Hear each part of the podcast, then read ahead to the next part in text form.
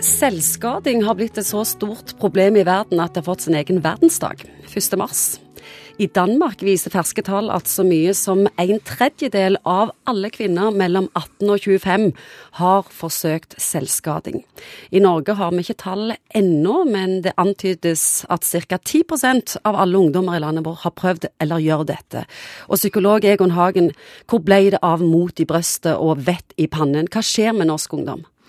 Ja, det er, et, eh, det er, jo ikke et lite spørsmål, å si det sånn.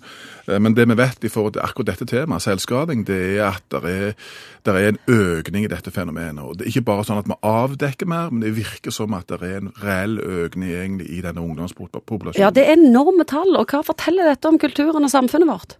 Ja, det, det handler vel kanskje om, om, å lindre en altså Jeg så en amerikansk artikkel en gang, og der var overskriften 'Get relief of a terrible state of mind'. Altså komme vekk eller lindring i forhold til den forferdelige indre tilstand. Og før i gamle dager så var det sånn at dette med selvskading det var enten knytta til psykisk utviklingshemma eller til fengsel. Dyr i bur? Ja, på en måte sånn. Den type kontekster var det folk drev med dette. Men nå ser vi at det går inn i pytt, det går inn i barnevern, det går inn i ungdomspsykiatrien. Så det er i ferd med å spre seg på andre arenaer enn det det faktisk var tidligere. Dette er jo spesielt knytta til ungdomstida, og så er det spesielt knytta til kvinner.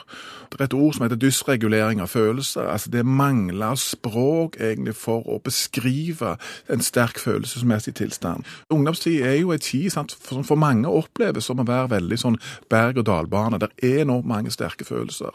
Og så virker det som det er nesten en smitteeffekt i noen sammenhenger, hvor akkurat dette med å, å på en måte, å demme opp for den indre smerte, men påføre en ytre smerte, er en ikke spesielt god måte å få balanse på, men det er den måten mange velger.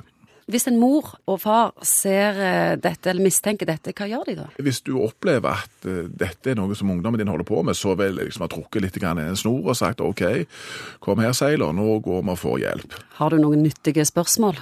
Altså Den store psykologiske breakthroughen her, det er hvis du kan komme dit hen at istedenfor å håndtere denne, disse følelsene dine på denne måten, at du greier å sette ord på følelser, at du greier å kommunisere hva faktisk dette handler om. Og òg det å trene seg på å romme følelser. For I ungdomstida er det ofte sånn at du, tenker deg du har en liten container som følelsene dine skal være i. Og Når du er litt i ungdommen, så er den containeren ganske liten. Og etter hvert som du blir eldre, så trener vi oss på å ha følelser, og negative følelser der inne. Og tåle de? Tåle de. Vi trenger ikke agere på de, vi trenger ikke ruse de vekk. Vi trenger ikke skjære oss for å håndtere de følelsene. Er det vanskelig å behandle dette? Nei, det varierer. Det spørs hva det står på toppen av. Noen ganger kan dette stå på toppen av en personlighetsforstyrrelse og alt dette som vi har snakket om i andre sammenhenger. Og det jeg tror at eh, Jo før en får hjelp, jo før en griper fatt i dette, jo før på en måte en trekker litt i denne eh, snora, jo fortere kan en komme ut av dette. Så søk hjelp. Det er hjelp å få, og det er veldig veldig mange kollegaer av meg som jobber med dette daglig, og som er veldig flinke på å håndtere det.